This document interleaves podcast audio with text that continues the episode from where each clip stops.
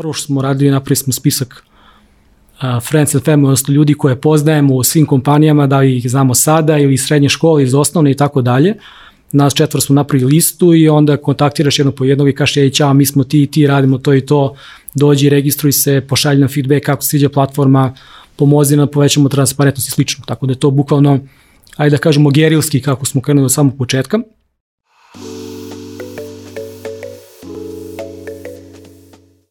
Ćao ljudi, dobrodošli u još jednu epizodu Nedokracijenog podcasta. Moj današnji gost je Nikola Mijailović iz uh, kompanije Joberti. Nikola, dobrodošao. Ćao Marko, bolje naš. Pre nego što krenemo mali posrednik, pretplatite se na naš YouTube kanal, uh, kliknite na dugme subscribe kako biste dobili obaveštenje o novim epizodama. Takođe, Office Talks podcast možete pratiti i na audio platformama, linkovi su dole u opisu.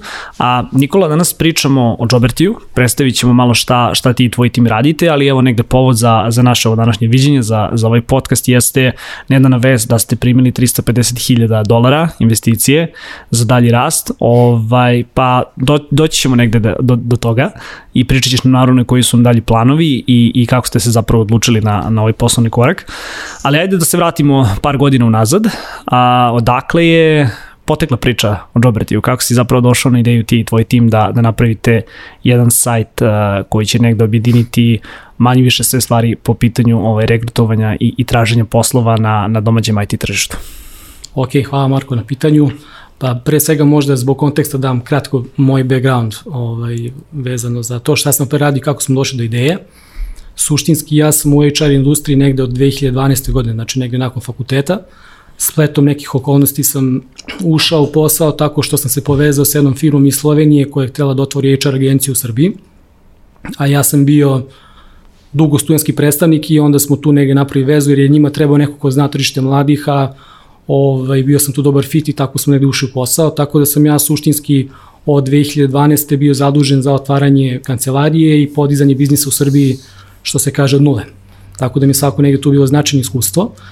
Kompanija nije bila vezana samo za IT industriju, tako da generalno je pokrivalo sve, sve industrije, ali je meni to bilo dosta značajno da negde uvidim onda koji su, koji su trendovi s jedne strane, šta je ono što se dešava i da bolje razumem potrebe s jedne strane kandidata, odnosno ljudi koji traže posao, a s druge strane i samih kompanija, odnosno HR-eva, rekrutera i drugih koji su zaduženi da, da zatvaraju poziciju.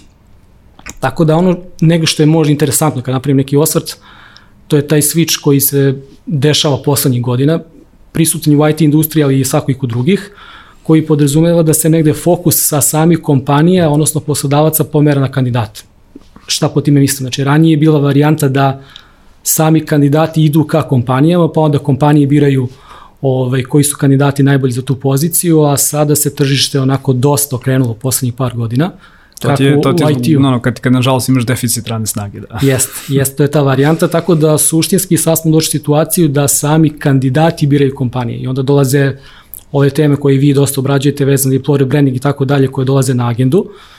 Tako da ono što smo negde mi, to jest e, pre svega možda ja i kasnije zajedno svojim timom primetio, to je da e, ako pričamo o nekim IT pozicijama, developerima, inženjerima, kako da ih nazovemo, prosečno negde otprilike oko 80% su pasni kandidati. Šta to znači? To znači da oni ne traže aktivno posao, ali dobijaju neke ponude da li od regutera putem LinkedIna, da li preko preporuka, da li preko drugih kanala, tako da možemo reći da, na primjer, dobar senior dobije između 3 do 5 ponuda na LinkedInu nedeljno, mislim što je onako dosta, dosta heavy i uh, sam on kao ili ona kao kandidat treba da se odluči s kim će uopšte ući u komunikaciju, u diskusiju, uopšte sam proces, jer to zna onako kao, kao što znaš da dosta zamara.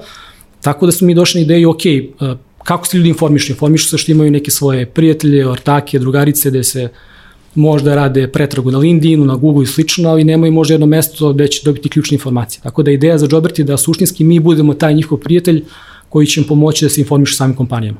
Tako da tako se negde prvobitno rodila ideja, fokus je bio na prvog dana na IT industriji, pre svega zato što je, kao što si rekao, vrlo deficitarno, Tako Pazi, da je, najveća i najprofitabilnija industrija, najlakše skalirati neke ono ideje ovde. Tako je. To drugo je svakako da kažemo uh, visoka je svest vezana za employer branding u odnosu na primjer neke druge industrije, uh, relativno da kažemo popularna i širi se ima trendove širenja globalno, tako da je negde možda bilo dobar fit za ono što, što mi hoćemo da, da radimo, tako da je to bila neka prva ideja. ishodno nekom mom backgroundu iz HR industrije s jedne strane, a sa druge strane moje ljubavi ka IT, startup sceni i ekosistemu, ovaj, tako se negde rodila ideja. Znači, suštinski da se napravi, ajde da kažemo, glass door za IT industriju. To je da kažemo prva ideja. Ovaj, tako toga sam krenuo, imamo ideju i onda sad dalje, šta onda? A, znači, moj background je više vezano za, ajde da kažemo, za HR i za biznis. Ne, ja nemam tehničkog iskustva, jesam inženjer, ali ne inženjer saobraćaja. Tako da mi je trebao neko da im pomogne da to moju ideju negde s jedne strane sprovedem u delo. I sad tu ima opet više opcije kako to radite, tako? Jedna opcija, ako imate dosta kapitala, znači da plati ljudi da vam to razvijaju, što nije bila moja situacija u tom trenutku. Druga opcija je bila da nađem neke co-foundere ili jednog CTO ili možda tim koji to može da razvija i treća opcija je da se nađe, na primjer, neka outsourcing firma koja će za vas to uslužno da radi. I nakon nekih mesec, dva dana razgovora, ja sam se suštinski povezao sa Slavkom i sa Nebojšom. Slavko i Nebojša su senior software inženjeri koji su co-founderi zajedno sa mnom i uh, faktički njih dvojica, ja i moja žena Dušica uh, smo co-founderi, odnosno osnivači firme, a Dušica je kao product manager radila zajedno sa njim u istoj kompaniji, tako da dobro poznala njih kao tim, znali su da su momci sjajni, dobri inženjeri, nedostajalo im je možda to biznis iskustvo, da, da pokrenu nešto svoje, tako da smo mi bili dobar fit vezano da. i, za, i za taj biznis segment i domenski deo oko HR-a s jedne strane, a s druge strane za inženjerski deo. Tako da je negde dogovor relativno brzo napravljen, mi smo se dogovorili, ok, treba podignemo firmu, treba da stvorimo neku platformu, nemamo budžet da, da budemo na platama kao što je u svakom startupu, tako da je svako preuzeo neki deo odgovornosti, moj za osmišljavanje rad na proizvodu, postavljanje biznisa i ostalo, njihov, znači za taj tehnički deo. Tako da smo suštinski mi sa radom počeli negde početkom 2019. godine. Trebalo nam je negde oko šest meseci da isporučimo prvu beta verziju, pošto smo inače imali svi full time druge poslove koje smo radili. Tako da negde od jula, augusta 2019. godine mi lansiramo betu i tu negde krećemo sa, sa radom. Tako da je to bio neki, neki početak. Strava. Da li ste imali garažu na početku ili nije, ili nije da priča? Ali? A, nije, nije bila garaža, ali da. se od kuće, tako da, da, da, da skoro, skoro pa mu dođe na isto. A, kako Jobret izgleda danas? O, ako možeš naravno da podeliš neke brojke, koliko kompanija, imate ulistanih koliko, da kažem, neki komentara, koje, koje su vam, da kažem, neke bitne metrike koje ovako iznosite u, u javnost? Ok, pa suštinski, pošto smo mi marketplace koji spaja s jedne strane kandidate koji traže posao i dođu se informišu o IT industriji, s druge strane kompanije, bitne su nam i jedni i drugi. Uh mhm. -huh. ovaj, tako da ako govorimo o brojkama, imamo negde oko 30.000 registrovanih e, IT profesionalaca, znači cela IT industrija je negde 45 do 50.000 po nekim procenama, tako da dobar deo je već registrovan na Jobertiju. Uh, s druge strane sarađujemo negde sa oko 600 IT kompanija, neke koriste naše besplatne rešenje, neka plaćena, svakako klijenti i posmatramo ih kao takve. Ovaj, a neke metrike koje su uh, suštinski nama najvažnije, to je uh, broj uh, monthly active users, odnosno uh, mesečno, tako, tako, tako je, da. sorry, znači uh, broj mesečno aktivnih korisnika, uh, broj novih korisnika koji se registruje, broj oglasa za posao, broj utisaka i tako dalje. To su da kažemo neke stvari koje se koje da. se mere. Strava. Sad recimo, želim se vratiti malo na, na, na, na još tu priču o ovoj istoriji. Kada ste krenuli, mislim, okay, krenuli ste 2019. godine i tržište u tom trenutku već jeste bilo u, u ono, bilo je svakako naprednije nego da kažem kada su se ono par godina pre toga neke, neke stvari ovako tek, ovaj, tek pripremali kada su bile u začepku. A, bilo je da kažem možda i neki konkurenata, ovaj, neki drugi firmi koji su radili slične stvari, ali evo vi ste se za kratko vreme da kažem baš ovako negde ono podigli i istakli na domaćem tržištu. A, koliko je bilo teško opet, ne samo nužno raditi prodaju, ali malo i edukovati tržište, zašto je ovako jedna stvar dobro, koliko je bilo da kažem izazovno ili problematično raditi sa kompanijama kojima je negdje i trebalo objasniti da je ovo još jedno mesto na kojima treba da kažem da budu ulistani, na kojima na kraju dana treba da se bave tom nekom zajednicom koja, koja dolazi ovaj, kod vas na sajti koja da kažem ovaj, ili ono, se interesuje za njihovu kompaniju ili da kažem želi da sazna neke informacije. Kako je izgledao taj proces ako možeš da nam, da nam opišeš? Ok, A, sad, ako, ako je neko pratio kako funkcioniše marketplace, jedan od osnovnih problema je kako rešiti takozvani chicken and egg problem, što znači da šta je stari kokoška jaje, odnosno s jedne strane morate imati uh, jednu stranu, odnosno oni koji u naš slučaj traže posao, a s druge strane morate, morate imati kompanije da ceo biznis model može da funkcioniše. Uh, naš fokus je bio da se prvo uh, uh, pozicioniramo, odnosno da se fokusiramo na kandidata, odnosno na korisnike koji traže posao, i krenuli smo od toga tako što, ok, napravili smo platformu i šta sada? Mislim, naša platforma bez samih komentara, bez utisaka ne, ne vredi ništa i to je nešto što, što daje vrednost samoj platformi, tako da prvo što smo radili, napravili smo spisak uh, friends and family, odnosno ljudi koje poznajemo u svim kompanijama, da ih znamo sada ili iz srednje škole, iz osnovne i tako dalje. Nas četvr smo napravili listu i onda kontaktiraš jedno po jednog i kažeš, ej, čao, mi smo ti, ti radimo to i to, dođi, registruj se, pošalji nam feedback kako sviđa platforma, pomozi nam, povećamo transparentnost i slično. Tako da je to bukvalno, ajde da kažemo, gerilski kako smo krenuli od samog početka. I ono što je mene možda, i to je ceo naš tim iznenadilo, to je jako pozitivan feedback koji smo na samom startu dobili od kandidata, jer smo faktički shvatili da mi njima pružamo zaista veliku vrednost. Tako da ti kao korisnik danas možeš doći na Joberti i dobiti informacije za, ne znam, 600-700 kompanije za koje postoje komentari, i to sve dobiješ suštinski besplatno, tako da... I na jedno mesto objedinjeno. Na jedno mesto objedinjeno. Uh, ljudi su videli tu vrednost uh, uh, gde mi povećamo transparentnost zapošljavanja u IT zajednici, što je dobro za sve, a posebno takođe dobro za kandidate. Tako da smo mi, prvi feedback je bio jako, jako dobar, mi smo čak imali slučajeve da da su nam ljudi slali feedback dve strane A4 formata sa predlozima šta treba da se razvije, gde smo imali osobe koje se nudile da besplatno kodiraju za nas, da rade kako QA-evi i slično, ove, što samo govori o nivou entuzijazma koje smo dobili od korisnika od prvog dana, tako da nam je to bio, ajde da kažem, veliki boost na nekom samom početku, kada smo uspeli da, da stvorimo tu prvu grupu korisnika i prvu grupu komentara. Platforma je tada formalno otključena i onda smo faktički negde u septembru mesecu, nakon dva meseca, krenuli sa promocijom. Negde smo se fokusirali na društvene mreže, LinkedIn, Facebook, Instagram i tako dalje, jer se tu nalazi naša ciljna grupa. Ovaj, I već nakon dva meseca mi smo imali, pa ja mislim tada oko 10.000 posto mesečno, čini mi se koliko se sada sećam, već smo tada postali relevantnim kompanijama i onda se već dešava, dešava situacija da same kompanije neki počinju da nam prilaze jer a, imaju visoku svest vezano za employer branding, što je opet prednost ove industrije koje se nalazimo, gde shvataju da je važno da budu tu prisutni, da vidi da se priča o tome, da je kandidati koji dolaze na razgovore kažu da su bili na Jobertiju, tako da nam je to negde onako dosta pomoglo da radimo i taj deo oko akvizicije klijenata. E, ne mogu da kažem da, je, da nam je bio neki veći izazov da, da samim kompanijama objasnimo značaj same platforme, mislim da su to opet na neki način razumeli. Bilo su svesne toga, Tako da. je, većina njih poznaje, ako ništa drugo glas door, pa zna kako stvari funkcionišu. Ali mislim da taj neki naš pristup koji je bio drugačiji na tržištu, taj, taj fokus na samim iskustvima zaposlenih je nešto što je napravilo razliku, jer to je ono što je dovelo veliki broj tih, kako sam rekao na početku, pasnih kandidata da dođu na Joberti, jer oni ne traže aktivno posao, ne idu na tradicionalne job portale koji s time bave, ali dođu na Joberti i u neku drugu platformu da se formišu. I onda kad imate njihovu ciljnu grupu koju je teško privući, na, na jednom mestu, uh, onda nije toliko teško da, da vam postanu klijenti. Na početku za besplatne usluge, a kasnije za neke plaćene. Da.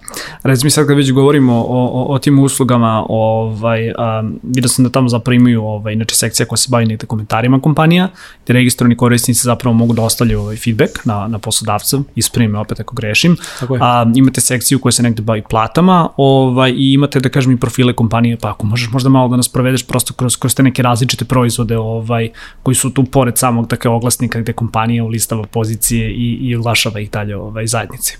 Ok. A, ako si ti neki IT-vac, developer koji traži posao, ono što ti dobiješ kao vrednost na Jobertiju, znači, pored toga što imaš osnovne informacije o kompanijama, ili kroz neke koje smo mi prikupili, ili one koje kompanije samo Zapravo ima i ocene, jel da, kažem, što na neki je. način ono, kvantifikovanje, da kažem, utiska te kompanije ovaj, na novićem tržištu, jel da? Tako je. Uh, uh, onda postoji sekcija vezana za komentare, gde sadašnji bivši zaposleni dele svoje iskustva, prednosti, mane, ocenjuju kompaniju po nekom kriterijumu i na osnovu toga se formira prosečna ocena te firme na tržištu. Zatim sekcija vezano za plati i benefite, gde može se vide plate po poziciji, senioritetu, kojih je prosečna i slično. Sekcija vezano za intervju iskustva, značajno ljudima koji traže posao, gde prosto mogu se upoznaju kako sam proces funkcioniše i pored toga, ajde da kažemo negde najznačajnije za one koji aktivno traže posao, sami oglasi za posao. To je da kažemo neki kor našeg proizvoda, ako pričamo o samim kandidatima. E sad, ako pričamo o kompanijama, o, o, Znači da, za kandidate je, odnosno za koristike je platforma besplatna, kompanije imaju plaćene ili besplatne usluge. te usluge su podrazumevaju oglase za posao, znači da je kompanija ako traži određeni profil, postavi kod nas oglas da se kasni kandidati prijavljuju. To je prvi naš i glavni izvor prihoda. Drugi su brendirani profili kompanije ili kako ih mi zovemo employer branding profili. To znači da ako kompanija želi da se bolje istakne na tržištu, da ispriča svoju autentičnu priču, da predstavi svoje tehnologije, tim, proces selekcije, projekte na kojima se rade i druge relevantne stvari koje, koje kandidate zanimaju, oni imaju priliku da to prezentuju i onda što imaju bogatiji kontent, što imaju više, dobijaju dodatnu mogućnost kroz promociju društvenim mrežama, znači plaćaju nam za to uslugu kao uh, godišnju subskripciju. To su faktički dva glavna revenue streama, a pored toga imamo neke dodatne vezane za employer branding, kao što je, na primjer, Joberty blog, gde, mogu da, gde kompanije mogu da možda detaljnije ispričaju neku svoju priču ili neke dodatne usluge vezano za promociju na društvenim mrežama i tako dalje, ali svakako sekundarno u odnosu na oglase za posao i na profile kompanije. Da. Reci mi, da li je do sada bilo nekih negativnih iskustava sa kompanijama da, ne žele da budu ulistane ili nisu baš srećne ovaj, po pitanju komentara? Mislim, sve ove stvari što si rekao, znaš kao, ja vidim ono vrednost u tome da, da, na, ono, da se malo transparentnije govore o nekim stvarima, pogotovo što i dalje, ovaj, pričali smo o tome na, na ovogodišnjem employer ovaj, branding ovaj, meetupu koji smo, ovaj, koji smo radili, gde smo ovaj, negde poravali da, naš kao, plate i dalje tabu tema, iako generalno kao ne bi trebalo da bude, ovaj, ali, znaš, kao, zbog toga mi je drago što kao Jobber ti, ovaj, znaš, zaista negde podiže taj nivo transparentnosti, ali preposledno da ima i kompanije kojima negde ne odgovara takav pristup. Pa, apsolutno si u pravu. Uh, ono što ja negde mogu... Da, nažalost, kao da, ovaj, uh, ono što ja negde mogu da ajde da možda da podelim kao informaciju, prosečna ocena na, na Jobertu je negde 3,7, 3,8 na skali 1 do 5. Tako da možemo reći da su ljudi u proseku zadovoljni, uh, uh, to je neka četvorka, jel? Uh, zadovoljni sa samim kompanijama. Uh, vrlo dobro što bi se reklo. vrlo dobro. da, da, vrlo dobar. Ovaj, uh, suštinski naše iskustvo je da uh, korisnici koji ostavljaju komentare su oni koji imaju jaku emociju. Sad, ta emocija može biti pozitivna i negativna. Uh, oni koji su, da kažemo, ravna linija, kojima je ok na poslu, ništa, oni da. ne komentarišu. Tako da imamo i jedni i druge. E sad, suštinski ne postoji firma gde je sve super i ne postoji firma gde je sve loše. Tako da je većina komentara izbalansirana. Uh, imamo ta iskustva da prosto kompanije, najčešće management kompanija, bude nezdovoljna sa samim komentarima i to su uglavnom a, možda firme koje nisu multinacionalne, koje nisu globalne, gde možda tim od 10 do 20 zaposlenih koji možda još uvek na pravi način ne shvataju značaj transparentnosti na tržištu, employer branding i neke druge teme, ali svako se tržište menja ovaj, srpski, srpski gazda mentalitet jebi ga. To, to si ti rekao. Da, da, ovo, ovo je isključio moj komentar, da. A, a, naravno, ne nužno, ali uglavnom budu takvi slučajevi gde smo imali zahteve da ili da se sam komentar ukloni, ili da se možda neke stvari cenzurišu, ili da čak smo imali slučajeve da je neko tražio da otkrijemo identitet, odnosno imamo email adresu koristi koji ostavi komentar, tako da, da se otkriju slične informacije. Uh, kao super ste vi, samo nam recite ko, ko, ko je to napisao, ovaj, samo da ja potvrdim da sam u pravu. Ali to su zaista, zaista podinačni slučajevi, znači mi imamo možda, smo do sada imali takvih dvadesetak, možda malo više slučajeva za ove dve godine, Uh, tako da svako mogu reći da je zanemarljivo. Većina stvari se rešava na taj način da mi imamo uh, najčešće sastanak sa klijentom gde objasnimo koncept, značaj, kako stvari funkcionišu. Većina uh, kroz tu edukaciju shvati uh, da je to sasvim normalno, jer i sama kompanija ima mogućnost da odgovori na taj komentar i slično. Imali smo slučajeve neke nepretne situacije da nam prećemo tužbama, da smo dobijali dopise i čestitke od, od advokata i slične stvari, ali do sada nismo imali još nijedan sudski spor. Uh, mada se možda radujem i da imamo prvi pa da ovaj, dobijemo pozitivno, pa da to mu pošaljemo poruku drugima. ja, ja ovaj. nemoj da ideš na sud, verujem i to iz iskustva mogu ti kažem. Ne, ali ovaj, znaš, zaista mi je mislim, ono fascinantno da kao kompanije, ovaj, mislim, ja kao namera sam rekao da je naš kao mentalica srku gazda, ali kompanije negde moraju da shvate da znaš, ono, nigde pod jedan nije idealno i da tim pristupom, da samim tim da neke stvari ne valjaju i da ti onda, znaš, ono, kao kompanija istupiš i, znaš, kažem, da, ono, negde se uključiš u komunikaciju kako hendlaš te stvari, to dosta pod jednom govori o tebi o poslu, ono, kao poslodavcu i govori o, ono, o tom mentalitetu prihvatanja kritike i govori o tome da na kraju dana si ti, ono, prizeman i ono, naš od krvi i mesa kao što smo svi mi. Tako da jedino se s tim pristupom mogu složiti da, da negde ima smisla sa to što kompanije žele da budu, ono, spotless i bez tačkice, ovaj, ono, prašina na njima, to, to će malo teško da ide. Tako da toga ima i toga će uvijek biti, ali no. Da. ja mogu da kažem da su to zanemarljivi slučajevi zaista na tržištu. Mi smo na kraju odlučili da, a, pošto smo dosta razmišljali kako da, da rešimo tu situaciju, jer a, za nas kao, kao platformu najveći izazov posebno na početku bio što svaka od tih aktivnosti oduzima dosta energije. Znači treba s nekim imate sastanak, da nekog edukujete, da nekome objašnjavate, da se dopisujete preko advokata, to košta dosta vremena i novca i nama kao founderima oduzima fokus na razvoj biznisa. Tako da smo mi, uh, mislim, prošle godine doneli odluku da ukoliko kompanija iz bilo kog razloga ne želi da se više bude na platformi, znači ne želi da bude izlistana, dovoljno da zastupnik kompanije podnese zahtev, ne mora da da nikako obrazloženje, samo da prosto od današnjeg dana više ne želi da bude na Jobertiju, mi profil kompanije uklonimo, znači zajedno sa svim komentarima, odnosno profil se arhivira, nije aktivan, ali takođe imamo a, a, listu uklonjenih kompanija, Tako da ako prosto ne želiš da budeš tu, to je skroz ok, bit ćeš na toj listi. Mislimo da je ta lista važna zbog transparentnosti, da neko drugi koji traži posao da, da zna da, da uh, firma ne želi da bude na platformi, sad zašto ne želi da bude ovaj, to, to neka neku drugi... Ništa, ovaj, koga zanima nek pogleda. Zaključ, tako je, ali uh, mogu da kažem da smo, možda imamo sad neki desetak firme koje su na toj listi, od hiljadu i pošto je svako statistička greška, ali imamo čak i suprotne slučajeve da Imamo slučaj kompanije koja, gde je management imao neke loše komentare zbog procesa tranzicije, tražili su da se profil ukloni i onda su došli u situaciju da kandidati koji dođu na posao i kada vi, to jest dođu na razgovor i kada vide da, da ne postoji profil uh, na, na Jobertiju, prosto budu zabrinuti. Da. Tako da je na kraju ta komp kompanija tražila ponovnu aktivaciju profila i prosto shvatila sam neki, neki koncept. Mislim, njihov management, ono, jedan mali aplauz, svaka čast. Ovaj, mislim, to je pravi, pravi način razmišljenja.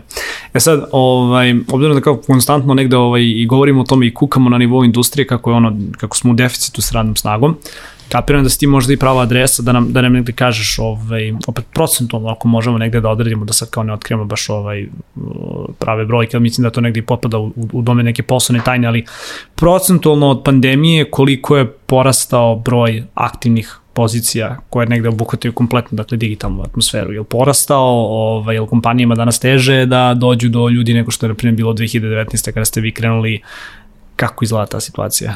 Ok. A, ono što ja mogu da kažem da je, ako uporedimo 2020. i, na primjer, 2021. odnosno, a, taj neki period, broj oglasa kod nas porasto puta 3. E sad, ono što ja moram da, da se ogradim, zbog, zbog drugih koji slušaju ovaj podcast, a, pitanje koliko je to relevantno da se donose neki zaključci jer smo mi platforma koja je na samom početku. Da. Tako je. Tako da ovaj, možda da smo poslali 4-5 godina pa nakon toga da se izvukaju neke statistike. Ono što ja mogu da kažem negde na nivou nekog mog utiska, ovaj, jer sam lično radio aktivno prodaju baš u periodu kad je krenula korona tim prvih par, par, prvih par meseci. Prva dva, tri meseca bilo apsolutno zatišće jer dok je bio lockdown niko živi nije tražio posao i bila je velika neizvesnost i vanredno stanje i slično. Nakon toga već od maja prošle godine tržište se vratilo, ono što je neki naš utisak na osnovu neki trendova i tako dalje, da čak tržište raste možda i brže nego što je raslo ranije, a mislim da je rast bio negde na nivou oko 10% godišnje. Prosto neki biznisi su, odnosno neki projekti su možda ugašeni, koji su, na primjer, bili vezani za turizam, za turizam ili za neke druge industrije, ali zato uh, onaj ko radi fintech, ko radi e-commerce, ko radi u gaming industriji, ovaj, ili uh, adult, jel? A, to su sve industrije gde je zbog same ove situacije povećana potreba za tim profilima, pored toga uh, imamo takođe značajnu digitalizaciju u drugim industrijama, tako da ja mislim, mogu slobno reći da korona apsolutno nije utisala negativno, čak možda i pozitivno na, na IT industriju. To je, Sad, možda nisam direktno govorio na pitanje, čuti, ali... Da. Ne, vidi, jesi. Mislim, ono, znaš, ono, imam neki osjećaj da su stvari u porastu, tako da puta tri, ok, radili ste aktivno prodaju, ali sigurno, sigurno ima do toga i što, i što prosto industrija ovaj, porasla. E sad, sa svim tim nekim stvarima i kako ste naravno vi rasli i, i kako je prosto ovaj, i, i biznis rastao, dođo ste i do investicije. Ovaj, ti si mi najavio ovo još pre nekog vremena, ali evo nedavno smo pisali o tome i na demokraciji, link će svakako biti u opisu ovog videa i ove epizode, pa ko želi malo više da pročita o tome, može da, da, ovaj, da poseti naš sajt. A, odakle zapravo ideja za, za investiciju? Ovaj, da li je ovo nešto što, da li će sredstva zapravo da budu iskoričene da vi dalje šedite biznis u Srbiji ili želite da idete mimo okvira Srbije, kako, kako, kako dalje? Ok. Pa suštini ideja za investiciju je postojala pre nego što je kompanija formirana. Tako da, uh, ajde da kažem, u startup industriji postoje neke dve škole mišljenja. Ona koja je ustaljena, koja je se mogu da kažem ima više ljudi koji prate kao logiku, to je da, da kompanija kao, odnosno startup uzima investiciju za rast i za razvoj da bi podigao svoje vrednosti, kasnije krajnji cilj je da se uradi IPO, odnosno izlazak na berzu i da se uradi akvizicija, odnosno prodaje kompanije. Ovaj, tako da je to jedna škola mišljenja, druga je takozvani bootstrapping gde prosto founderi iz svojih sredstava gledaju da što duže ili ovaj konstantno uh, ne dobijaju druge investicije nego da da sami razvijaju biznis primer toga je MailChimp, ove, gde je bila akvizicija. Koji je nedavno kupljen, da. Tako je, pre, pre možda nekih čim se mesta ne nešto manje. A, naša logika je bila ova više koja je, da kažemo, Silicon Valley logika koja podrazumeva da se uzima investicije da bi se faktički brže kompanija rasla, razvijala i time podizala svoju vrednost. Tako da smo mi svako imali ideju to od prvog dana i ideja od prvog dana je, je naša bila da idemo na globalno tržište. Mislim to, mi nismo došli u tu fazu da smo napravili neki uspeh u Srbiji pa smo rešili ajmo sada da širimo tržište, nego je to ideja od prvog dana. Ovaj, ali vi prosto da biste dobili investiciju morate da vi kao tim ili kao kompanija budete zreli da su u toj fazi da neko želi da vam da novac. Uh, to je teže ako niste serijski preduzetnik, odnosno ako radite neki biznis prvi put, onda prosto morate da se, pa po mom mišljenju, dokažete pre svega sa rezultatima, jer kada neko ulaže u vas u počnoj fazi, pre svega ulaže u vas kao tim, a onda kasnije u ideju. Čak ideja nije ni najvažnija jer ideja može da pivotira dosta puta u toj, u toj počne fazi. Tako da uh, mi smo krenuli od toga, ali na početku kad ja imam svoju ideju u glavi i napravim možda neku prezentaciju, teško da je neko hteo da mi da novac.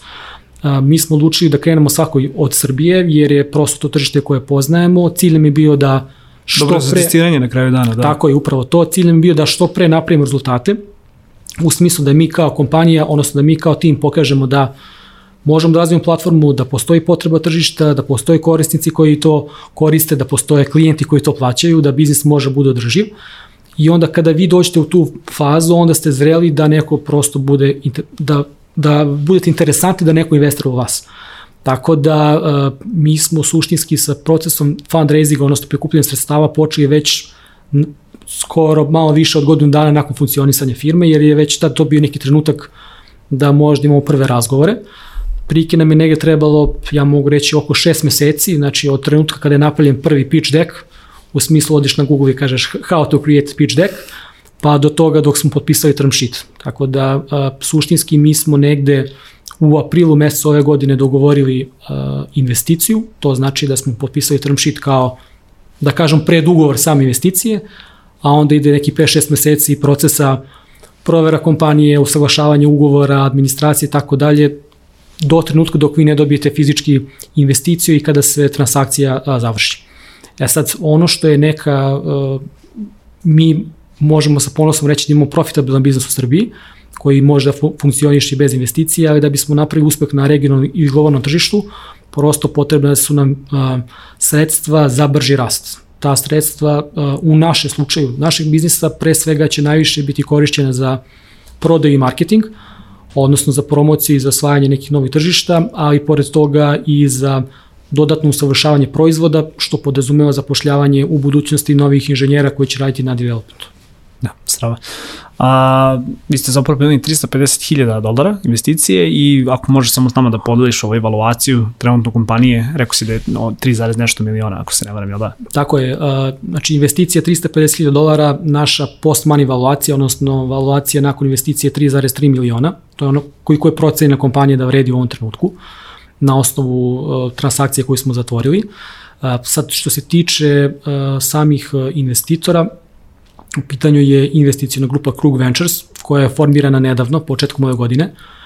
Mogu slovno reći da je to grupa ljudi koja se okupila pre svega oko Jobertija, a onda je ovaj, verovatno im se dopada kako to sve izgleda i funkcioniše, želi da, da dalje investira u neke druge startupe, tako da se nadam da, da smo možda mi započeli priču, da će biti još dosta nekih uspešnih priči nakon nas od strane istog fonda. Uh, A, u pitanju su pre svega mogu reći dokazani ljudi iz uh, startup i IT industrije, jer je nama u ovoj fazi bilo jako važno da imamo takozvani smart money, što podrazumeva ne samo da imamo novac, nego da neko može da da dodatnu vrednost ili kroz neke znanje, kroz iskustvo, kroz kontakte.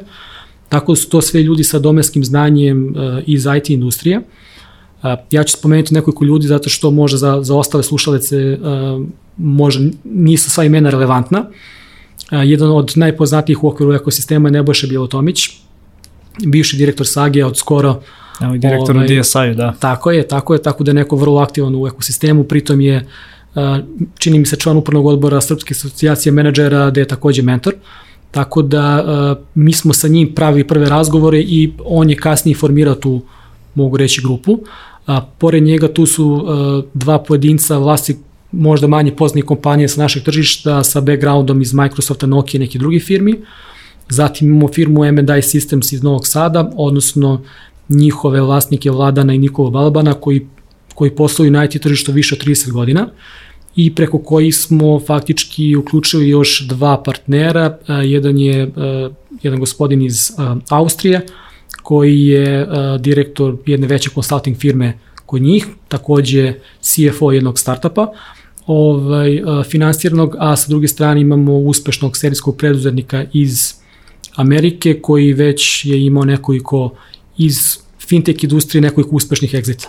Tako da a, suštinski ono što smo mi dobili kroz te grupe, dobili smo jako dobro poznavanje tržišta, poznavanje problematike, a, kontakte do američkog tržišta koje nama svakako negdje target naravne fazi, ali takođe i dosta nekog biznis i domenskog znanja koje može da pomogne u ovoj fazi.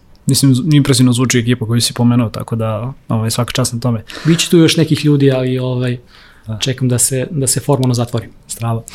A koji su sad neki ono kao da kažem bliži ili dalji planovi ovaj, za neki naredni period? Da li, da li aktivno zapošljavate? Ovaj, prepostavljam da se sad ono negde u tim nekim prvim planovima za, za tu neku ovaj, ono, ekspanziju van Srbije. Šta, šta nam možeš reći još, još o tome? Ok, uh, prvo tržište koje, koje smo otvorili nakon Srbije je tržište Hrvatske. Mi smo radili soft launch negde pre nekih otprilike mesec dana, odnosno početkom uh, septembra meseca, uh, što podrazumeva da slično kao u Srbiji uh, platforma je zaključena invite only, što znači samo ljudi koje mi pozovemo da se registruju, dostave da komentare, imaju tu mogućnost, jer mi u toj početnoj fazi, pored toga što dobijemo prve korisnike, dobijemo i feedback od njih, jer smo razvili novu verziju proizvoda u odnosu na ovu koja, koja je u Srbiji.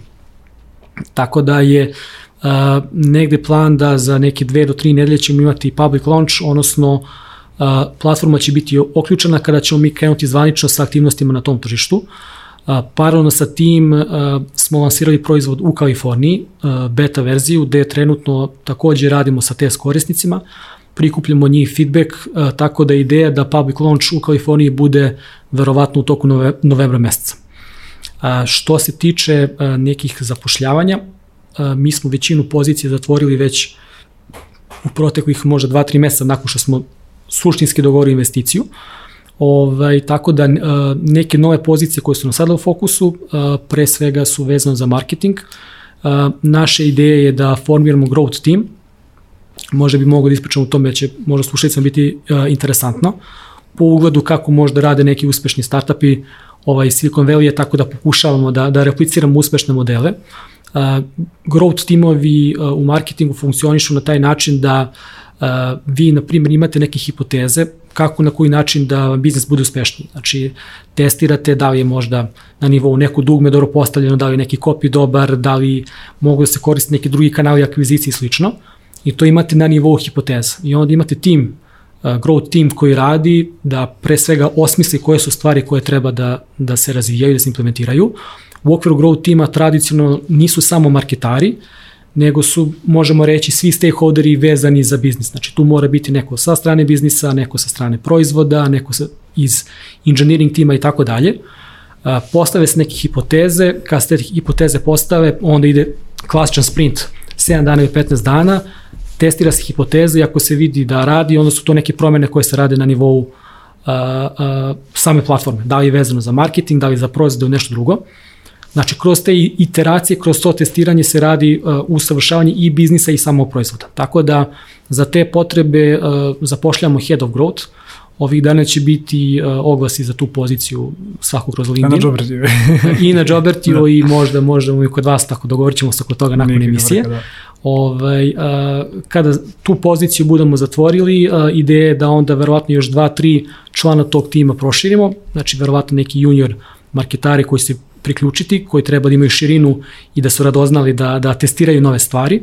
Tako da je to nešto prvo što imamo u fokusu, uh, aktivno zapošljamo u Hrvatskoj, imamo uh, za account management team, odnosno sales pozicije za naredan period uh, i po ono što imamo u planu to je početkom sledeće godine kako se bude otvarao novo tržište, ako to bude bila uh, Amerika, svako ćemo širiti marketing i business development timove za to tržište, a što se tiče novih inženjera, pošto mi već imamo dva co-foundera koji su koji, koji pokrivaju taj deo, nove pozicije će biti verovatno pa možda od Q2 sledeće godine. Strah, ništa, onda pozivam sve slušalci i gledalce da, da prosto ovaj, ono, čekiraju Jobert RS ukoliko još uvek nisu, da, da negde možda ovaj, ukoliko ne slušaju IT profesionalci, ja verujem da je dobar deo ovaj, to ljudi koji ne sluša, pored da kažem ljudi koji negde rade u kompanijama, ovaj, svakako da, da čekiraju sajt i da negde naprave profil. Nikola, hvala ti puno što si bio danas ovaj, naš gost, čestitke naravno još jedno na investiciji i nadam se da ćemo negde ovaj, u budućnosti nastaviti negde opet na netokraciji da pratimo ono što, što Jobert radi. A, za vaš slušalci i gledalci, a, više na mali posjetnik, a, se na naš YouTube kanal, možete uh, da kliknete na zvonce kako bi se dobili obaveštenje o najnovim epizodama. Takođe Office Talks možete pratiti i na audio platformama, linkovi su dole u opisu kako ovog videa, tako i audio epizode. Toliko od nas dvojice za danas, a mi se vidimo naredne nedelje. Ćao! Ćao, čao!